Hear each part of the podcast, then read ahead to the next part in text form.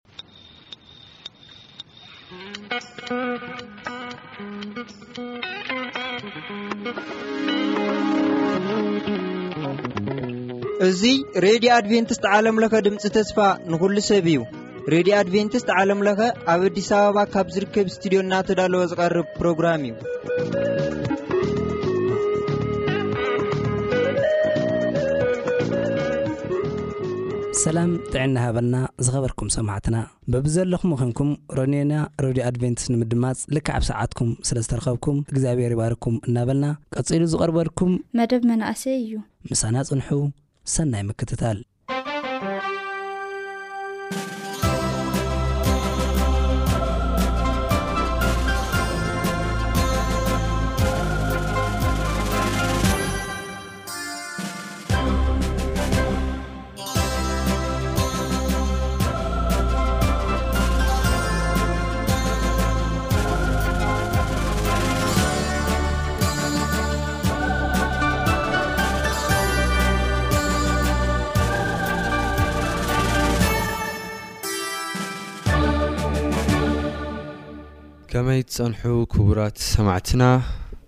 ስለ ኩሉ ነገር እግዚኣብሔር ኣምላኽና ዝተመስገነ ይኹን። እዚ እነቕርበልኩም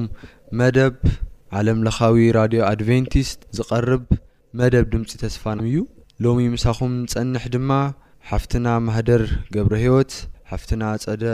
ወልደሃወርያት፣ ሓውና ካሕሱ ሓዱሽ ክኾኑ እዮም። ኣነ ዮሴፍ ካሕሳይ ድማ ብምምራሕ ከገልግለኩም እየ። ሓውና ካሕሱ ጸሎት ክገብረልና እዩ። እሺ ንጸሊ ኣብ ሰማይ ትነብር ኣቦና ስምካ ልተባረኸ ልተቀደሰ ይኹን ኡግዛብሔር ኣቦ ኣብዚ ግዜ እዚ ንስኻ ምሳና ስለ ትኸውን ነመስግነካ ኡግዛብሔር ኣቦ ነገራትና ኩሉ ከዝውን ተረከብ ብክቡር ወድኻ ብየሱስ ክርስቶስ ስም ኣሜን። ሎማዕንቲ ንመያየጠሉ ወይም ንዘራረበሉ ርእሲ ብዛዕባ መንፈስ ቅዱስ እዩ ክኸውን እቲ ናመጀመርያ ጥያቄና መንፈስ ቅዱስ ብሀመይ ኢና ንርድኦ ወይ መንፈስ ቅዱስ መን እዩ ልብል ጥያቄ ለኩም ሐሳብ ክትገልፁልና ኢኩም ማለት እዩ። ብጣዕሚ ደስ በሃሊ ሕቶ እዩ ምክንያቱ ሓደ ሓደ ሰባት ከም ይሓስብዎሲ መንፈስ ቅዱስሲ ህይወት ለይብሉ ነገር ከምኡ ወይ ከም ፅግዕተኛ ነገር ገይሮም እዮም ልሓስብዎ ነገር ግን መፅሓፍ ቅዱስና ክነግረና ከሎ እዚ ዓይነት ኣይኮነይ ዘለዎ ኣረኣእይኡ ማለት እዩ እና ኣብ ማቴዎስ ምዕራፍ ዕስራን ሸሞንትን ቁፅሪ ዓሰርተ ሸሞንተ እስካብ ዕስራ ለሎ ክንርኢ ተለና ክርስቶስ ክናገሮም ከሎሲ ብሽም ኣብ ወልድ መንፈስ ቅዱስ ኣጥምቕዎም ኢሉ ይናገር።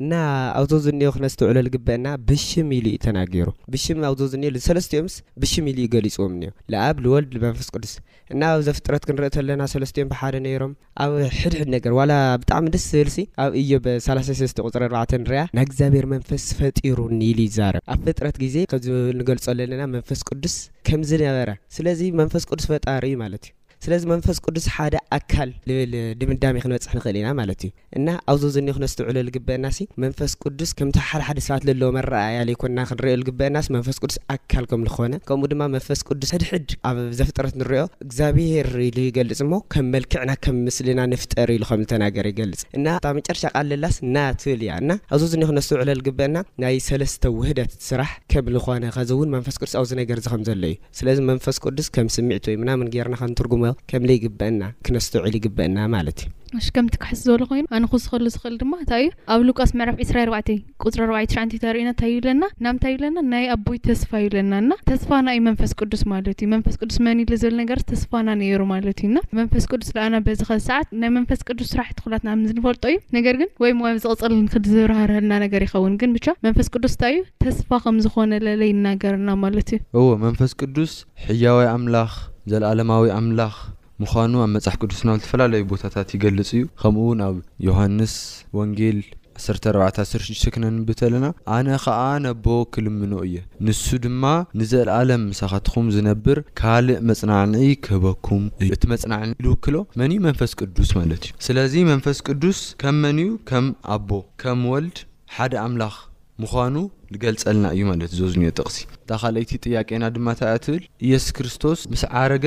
መን ክልእኸልኹም እዩ ኢሎና? መንፈስ ቅዱስ ማለት እዩ። ስለዚ መንፈስ ቅዱስ እንታይ እኒኦዎ ማለት እዩ? ልኾነ ጥቕሚ እኒኦዎ ማለት እዩ። ስለዚ መንፈስ ቅዱስ ኣብዚ ሰዓት እዚ ኣብዚ ምድሪ እዚ ሃመ ኢለገልግለና? ሃም ኣቦ፣ ሃም ወልድ፣ ታይ ዓይነት ስራሕ ኣለዎ ኢኩም ትሓስቡ? ዮሃንስ ወንጌል ምዕራፍ ዓሰርተ ሽዱሽተ ቁጽሪ ሸሞንተ ክንርኢ ተለና ኣስተውዒልኩሞ ኢኩሞዶ እዚ ነገር እዚ ኣብዙ ዝኒኤ ኩሉ ክገልጽ ከሎ ክርስቶስ ሲ ስለ መንፈስ ቅዱስ ክገልጽ ከሎ ኢዩ ኣብዙ ዝኒኤ ነስተውዕል ማለት ኢዩ እና ሓደ ስለ ሓጢኣት ካልኣይ ተወሳኪ ለለ ስለ ፍርዲ ካሊእ ድማ ስለ ጽድቂ እውን ነዚ ዓለም ይወቅስ ኢሉ እቲ ስርሑ ብደንቢ ገይሩ ግልጺ ይገብሮ ማለት ኢዩ ትሕት ኢልና ተሪእና ስለ ሓጢኣት ማለት ስለ ዘይኣምኑኒ ከምኡ ድማ ጽድቂ ለለ ስለ ኣነ ላብቲ ሰማይ ምካደይ ከምኡ ድማ ስለ ፍርዲ ለለ ለቲ ዓለም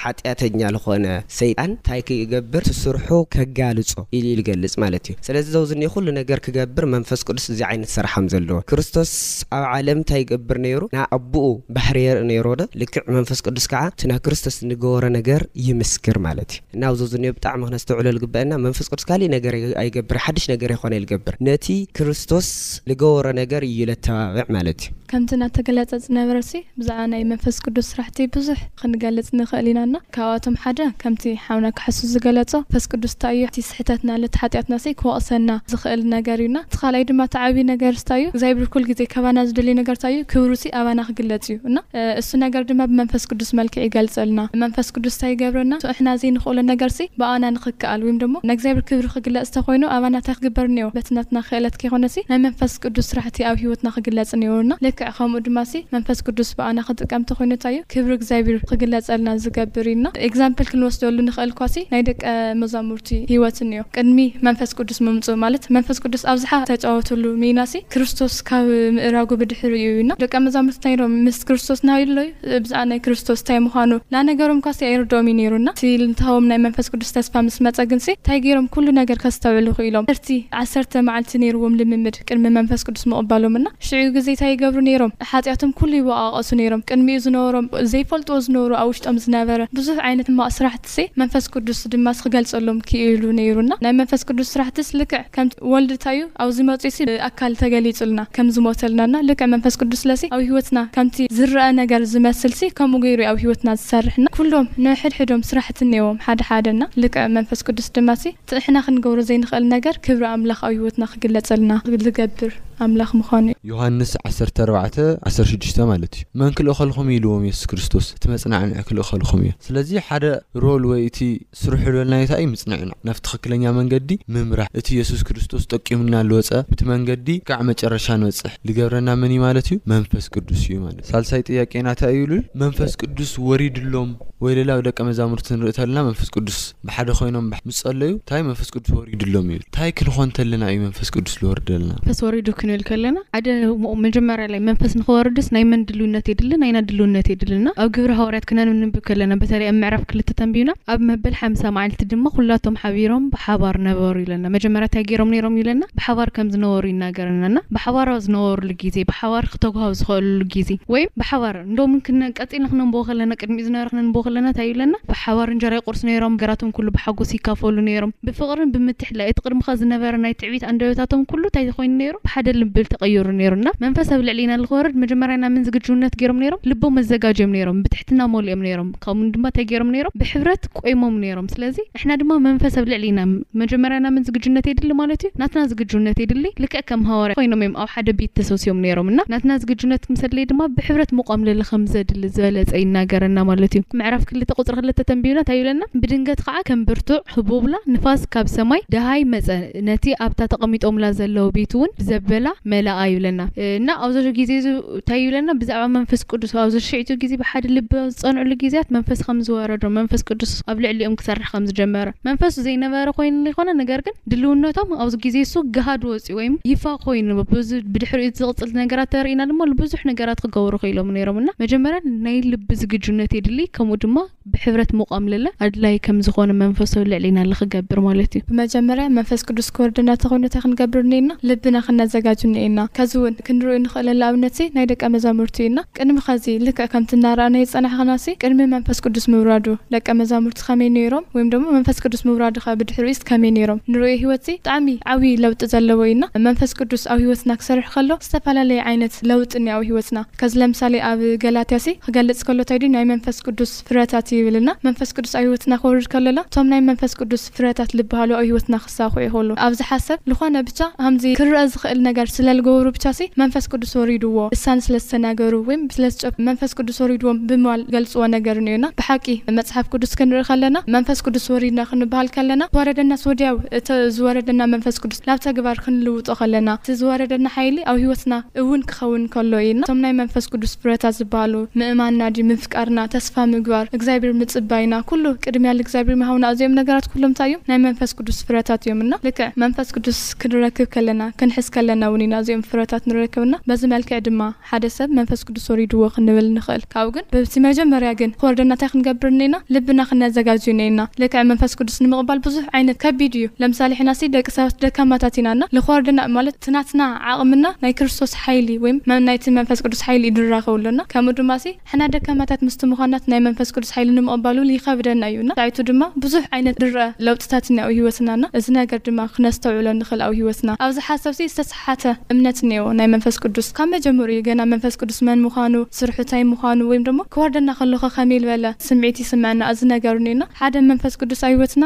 መንፈስ ቅዱስ ክባል ከሎ ልሓስቦ ሰብ እንዮ ከዚ ስምዒት ይብሎ ብስምዒት ብቻ ክግለፀ ይክእል እዩ እቲ ስምዒት ሱታ እዩ ላብ ተግባር ክከውን ከሎ ልክዕ ከምቲ ሰብስ ይፎቱ እየ ክንብል ከለና እቲ ፍቅሩ ሱስ ተግባር ክረእ እንዮ ልክዕ ከሙ መንፈስ ቅዱስ ድማ እቲ ናዓሉ ፍረታት እንዮ በዚ መልክዕ ድማ ኣብ ህይወትና ስለ ዝመፅእ እግዜር ኣምልክና ስተ ምስ። ልተፈላለየ ኣረዳድኣ ወይም ልተሰሓተ ኣረዳድኣ ኣብ መንፈስ ቅዱስ። ስለለለና ታይ ንገብር መንፈስ ቅዱስ ወይ ብምዝላል ልኾነ በቃ ሃም ስምዒት ዓይነት ጌርና ንሪኦ ማለት ንመንፈስ ቅዱስ ግን ዓንቱ ታይ ኢልና ኢና ኣምላኽ እዩ ሓደ ኣምላኽ እዩ ስለዚ ከምቲ ንኣምላኽ ንገብሮ ታይ ኢና ንገብር ኣለና ንሕና ውን ልብና ክንኸፍተሉ እኒኤና መጀመርያ ኸዚ ደቀ መዛሙርቲ መጀመርያ ክንርኢ ተለና መንፈስ ቅዱስ ወረደሎም ክል ተሎ ታይ ክኾን ተሎ እዮም ኹሎም ሓደ ልቢ ኾይኖም ልቦም ኸፊቶም ተነሲሆም ኣብ ማእኸሎም ለሎ ችግራት ታይ ጌሮም ኣጥፊኦም ማለት እዩ ናብ ኻሊእ ምኻድ የድልየና። ደቀ መዛሙርቱ ዓብይ ትምህርቲ እዩ። ቃል ኣምላኽ ዓብይ ትምህርቲ እዩ። ኻሊእ ምንጋር ወይ ኻሊእ ኣብነታት ምግላፅ የድልየና። ስለዚ መጀመርያ ታይ ኢና ክንገብር ዘለና ልብና ንኸፍት ንስሃ ንኣቱ ማለት እዩ። ስለዚ መጀመርያ ክግበር ለሎ ታይ እዩ ልብና ምኽፋት እዩ ማለት እዩ። ኸዚ ናብ ቐፃላይ ጥያቄ ክንኣቲ ኢና ማለት እዩ። መንፈስ ቅዱስ ምፅራፍ ኣብ ቃል ኣምላኽ መንፈስ ቅዱስ ታይ እዩ ትገሩ? ኣይትጻረፉ እቲ ይቅረ ለይብሃል ታይ እዩ መንፈስ ቅዱስ ምጽራፍ እዩ ምጽራፍ ክልተሎ ሃምዘ ንሕና ንሓስቦ ቀጥተኛ ጸርፊ ድዩ ወይስ ሃመ እዩ ክንሪኦ ደልዩ መንፈስ ቅዱስ ምጽራፍ ኢሉ ልተናገረልና እሞ ምጽራፍ ክብለና ከሎ ኣብ ራኢ ዓሰርተ ሰለስተ ዝጠቂስዎ ነሩ ቅድሚ ከዚ ልክዕ ታይ ተከፈቶ ኢለና ልጻረፍ ኣንደበት ተከፊትዎ እዩ ኢለና ወይም ኣብ ዳኒኤል ለንሪኦ ንክእል እና ምጽራፍ ክበሃል ከሎኸ ከመይ ዓይነት ጸርፊ እዩ ዝብል ካልእ ይኸውን ኣሎ። ከዛ ኣነ ኣብ ልዕሊ እግዚኣብሔር ከምዚ እንጥቀሞም ጸርፍታት እንኦኸ ለምሳሌ እርስ በርስና ውን ክንጨቓጨቕ ከለና ከምኦም ጸርፍታት ኣለዉ እዞም ጸርፍታት እሶም ድዮም ወይስ ከመይ ዓይነት ጸርፊ እዩ ክኸውን ዝግብኦ ዝብል ጥያቄ ግን ክብሪ እግዚኣብሔር ለባዕልና ክንጥቀም ከለና ክብሪ እግዚኣብሔር ክብሪ ዝኾነ ዘበለ ኩሉ ለባዕልና ልርእስና ክነልዕል ከለና ክማልድ ዝክእል ወይ ይቅር ክብል ዝክእል እግዚኣብሔር እዩ ኣነ ንናይ ሰብ ሓጥያት ይቅር ክብል ኣይክእል እዩ ተረዲኩም ዝብለኩም ኣለኩ ሓሳበይ ክማልደልና ዝክእል ስለ ሓጥያትና ዝቆሰለ እሱ ብቻ እዩ እሱ ብቻ እዩ ከማልደልና ሰባት መፅዮም ለዋየ ሓጥያቶም ምንዛዝ ኣይድልዮም ምክንያቱ ክናዘዝሉ ዝክእል ኣምላክ ኣሎ እና ዝበለፀ ኣዋየ ሞፅኩም ተናዘዙ ክብል ከለኩ ለምሳሌ ኣነ ታይ ይገብር ኣለኩ ክብሪ እግዚኣብሔር ይኩንኪ ኢለ ባዕለይ ልጥቀም ኣለኩ ስለዚ ክብሪ እግዚኣብሔር ክንጥቀም ከለና ናይ እግዚኣብሔር ዘበለ ኩሉ ለባዕልና ክብሪ ክንጥቀም ከለና ሓደ እዚ ታይ እዩ ጽራፍ ከም ዝኾነ፣ ልክዕ ከምቲ ቀንዲ እቲ ቀንዲ ዝጻረፍ ኣንደበት ምስ ተኸፈቶ እኮ ንኽስገደሉ ልብዙሕ ነገራት እዩ ነይሩ እና ብዙሕ ኸኣዩ ይብለና ናይ እግዚኣብሔር ክብሪ ዝግብኦ ዝነበረ ኩሉ ልኡኽ ቀም ምኸ ንሕናል ንእግዚኣብሔር ምጽራፍ ወይም ንመንፈስ ቅዱስ ምጽራፍ ክበሃል ክኸእል ከሎ እንታይ እዩ ክብሪ እግዚኣብሔር ዘበለ ኩሉ ልርእስና ክንጥቀም ክንክእል ከለና ኣብዚ ጊዜ እዚ መንፈስ እግዚኣብሔር ከም ንጻረፍ ኣለና። ሓፍተይ ብጣዕሚ ዝገርም ጌራ ገሊጻቶ እያ እና ኣነ ክውስኸሉ ከለኹ ዓሲ ኣብ ማቴዎስ ምዕራፍ ዓሰርተ ክልተ ካብ ሰላሳ እስካብ ሰላሳ ክልተ ዘሎ ክንርኢ ተለና ብጣዕሚ ልገርም ክርስቶስ ክናገር ከሎሲ ኣብ ወዲ ሰብ ቃል ተተዛረብካ ወይ ተተጻረፍካ ይቅር ክበሃለልካ ይክእል እዮ ኣብ መንፈስ ቅዱስ ግን ይቅር ኣይበሃለልካ እዩ ተባሂሉ ተጻሒፉ እና ብጣዕሚ ክነስተውዕሎ ልግበእናሲ ኩል ግዜ ንእግዚኣብሔር ነሕዝን ኢና እዚ ማለት ካዓ ንመንፈስ ኣምላክ ነሕዝን ኣለና ማለት እዩ እና እቲ ተጻሪፍካ ልብለሉ ኣውዚ ክነስተውዕሎ ልግበእናሲ በቲ ናይ እግዚኣብሔር ስራሕ ክንመጽእ ከለና እዩ ለምሳሌ መንፈስ ኣምላክ ታይ ሰርሑላ እልና ነርናሲ ንዓለም ሓጥያት ኣይወቅሳ ልብል ኣገላልጻ ነርና ወደ ኣብዞ ዝንእዮ ነገር እዚሲ ጣልቃ ክንኣቲ ከለና ወይ ኣንሕናሲ ይቅር ክንብል ኢና ወይ ኣንሕናሲ ንጽሃት ኣየድልየና ኣንሕና ንጹሃት ኢና ኣብ ንብለሉ ግዜ ወይ ልብና ደንዳን ናብ ሱር ናብ እግዚኣብሔር ንኸይንምልስ ኣብ ልወሰናላ ግዜ ኣብዚ ግዜ እዚ ክበሃለና ይኽእል እዩ ምኽንያቱ ይቅር ላብ ለይንበሃለሉ ኩነታት ኣቲና ወይ ትሉ ይቅር ክብለና ልኽእል ምቅባል ኣቢና ኢና ማለት እዩ እና ኣብዞ ዝንእዮ ብጣዕሚ ክነስተውዕሎ ልግበእ ንሓደ ሓደ ሰብስ በቃ ማለት ይጥይቅ እዩ ከምዚ መንፈስ ኣምላኽ ዶ ተጸሪፈ ይኸውን ወይ ምናምን ላበለ ይጥይቅ ግን ዘውዝኒ ክጥይቅ ልገበሮ መንፈስ ስለ ለሎ መንፈስ ኣምላኽ የተጻረፈኒ እዮ ማለት እዩ ስለዚ መንፈስ ኣምላኽ ትጻሪፉ ክብሃል ልክእል ሓደ ሰብ ግን ለሓጥያት ሙሉ ልሙሉ በቃ ኣቃውምኡ ኣጽኒዑ ሒዙ ከምቲ ሰይጣን ልገበሮ ትክከውን ከሎ ኣሻዓይቱ ተጻሪፉ ስለዚ ይቅር ላብ ለይብሃለሉ ኩነታት ኣትዮ ኣሎ ይቅር ክብሃለሉ ኣይክእል እዩ ማለት እዩ። ማለት ክንገር ልግበኦ ነጥብታት ተናጊርኩም ኢኩም ኣነ ንእሽተይ ነገር ክውስክ ታይ እዩ መንፈስ ቅዱስ ተተጻሪፍኩም ይቅረ ኣይብሃለልኩም እዩ ክብል ተሎ ማህደር ኢላቶ እያ ካሕሱን ኢልካዮ ኢካ ቀጥተኛ ጸርፊ ኣይኮነ ኸዝንዑ ናድሕሪት ናእስራኤላውያን ንመለስ እሞ ናግብጺ ብኹሪ እግዚኣብሄር መቕዘፍቲ ከምጽእ ተሎ እተን ዓሰርተ መቕዘፍትታት ማለት እዩ ብኹሪ ይቀተል ክብል ተሎ ታይ ተገይሩ ነይሩ እስራኤላውያን ውን ናበጊዕ ደም ታይ ቕብኡ ተባሂሎም ነይሮም ኣብ ርእሲ ገዝኦም ኣብ ላዕለፍታ በሪ ቕብኡ ተባሂሉ ነይሩ ምኽንያቱም እቲ መልኣኽ ልተለኣኸ ንመን እዩ ንኹሉ ከጥፍእ እዩ እታ ደም ተሪኡ ግን ታይ ይኾን ኣሎ ካብታ ቦታ ዘወር ይብሎ ይቕረ ኣይባሃለልኹም እዩ ታይ ማለት እዩ ጠፋእቲ ኢኹም እዩ ብኻልእ የባህላ እቲ ንሰይጣን ልተዘጋጀየ ሓጢኣት ታይ ትኾኑ ኢኹም ንስኹም ውን ምስኡ ትጠፍኡ ኢኹም። ሰይጣን ይቅረለይ ይበሃለሉ እዮዶ ፍጡር እዩ ምክንያቱም ሓደ ሸዕ ምርጭኡ ወሲኑ እዩ ዕድል ተዋሂብዎ እዩ ትጠቀመሉ እዩ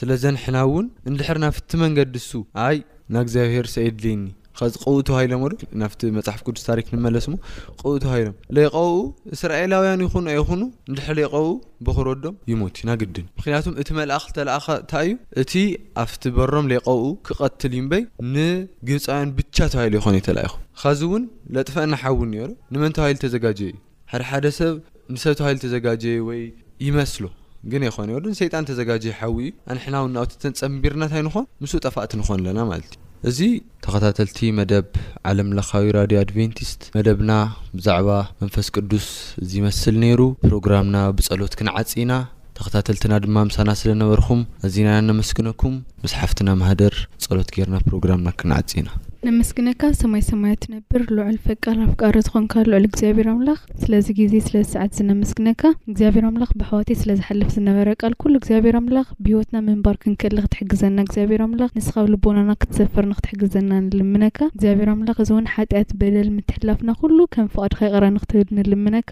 ስለ ኩሉ ነገር ተመስገን ስለ ሽም የሱስ ኣሜን።